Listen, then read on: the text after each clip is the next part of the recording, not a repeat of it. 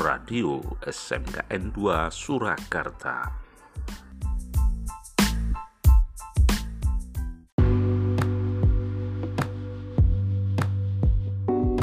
Assalamualaikum warahmatullahi wabarakatuh.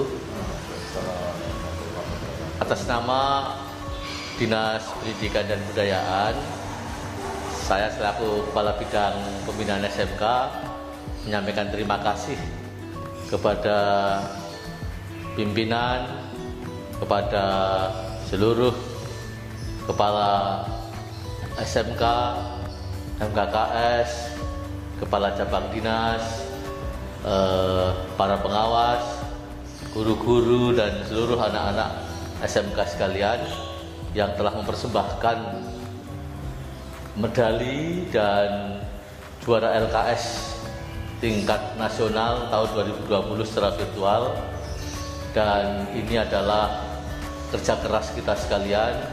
Kontribusi Bapak Ibu adik-adik sekalian mudah-mudahan ini akan memberikan kita semangat untuk bekerja lebih keras bekerja lebih cerdas untuk memajukan Jawa Tengah dan menginspirasi Indonesia. Saat ini pendidikan vokasi menghadapi tantangan besar bagaimana perubahan kepekerjaan dan perubahan situasi ekonomi dunia yang menuntut kita untuk memiliki mindset yang tumbuh dan orientasi-orientasi kepekerjaan yang baru termasuk pengembangan kewirausahaan, pengembangan potensi diri sesuai bakat minat dan kreativitas sehingga ke depan anak-anak kita mampu menangkap peluang baru dalam zaman baru dengan kompetensi yang semakin kompleks dan menjawab tantangan zaman.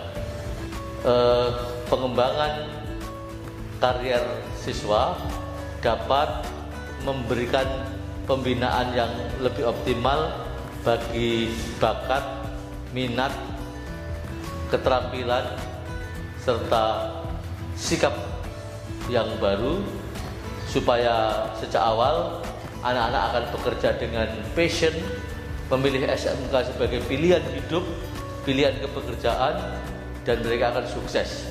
Maka kepada segenap Bapak Ibu guru yang tergabung dalam eh, BP, PPKS kami mengharapkan untuk merancang program dengan baik, mensosialisasikan program PPKS kepada SMP MTS dengan baik sejak dini dan mengkoordinasikan dengan industri agar potensi anak-anak kita tersalur dan mereka menjadi pekerja-pekerja yang profesional dengan mindset baru yang tumbuh dan anak-anak kita yang terampil dengan pendidikan kejuruan yang hebat akan menjadi pilar bagi pembangunan ekonomi nasional.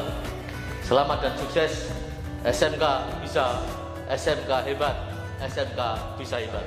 Assalamualaikum warahmatullahi wabarakatuh.